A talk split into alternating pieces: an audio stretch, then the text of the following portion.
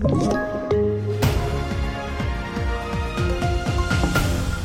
TV4-nyheterna här och vi börjar i Jönköpings hovslätt där det i natt brann i en källare i ett flerfamiljshus och sju personer fick allvarliga skador.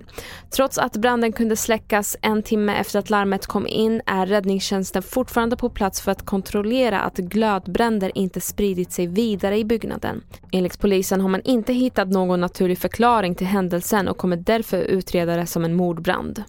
Och så till Spanien. Över 130 personer har evakuerats efter en omfattande skogsbrand har spridit sig i den spanska staden Portbo som gränsar till Frankrike.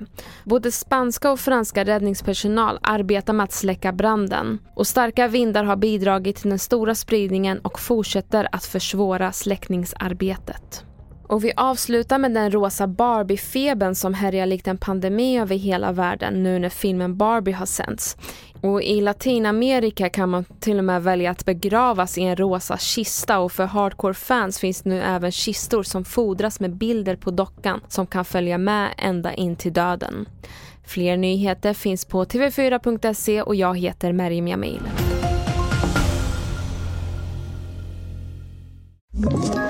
Ett poddtips från Podplay. I fallen jag aldrig glömmer djupdyker Hasse Aro i arbetet bakom några av Sveriges mest uppseendeväckande brottsutredningar.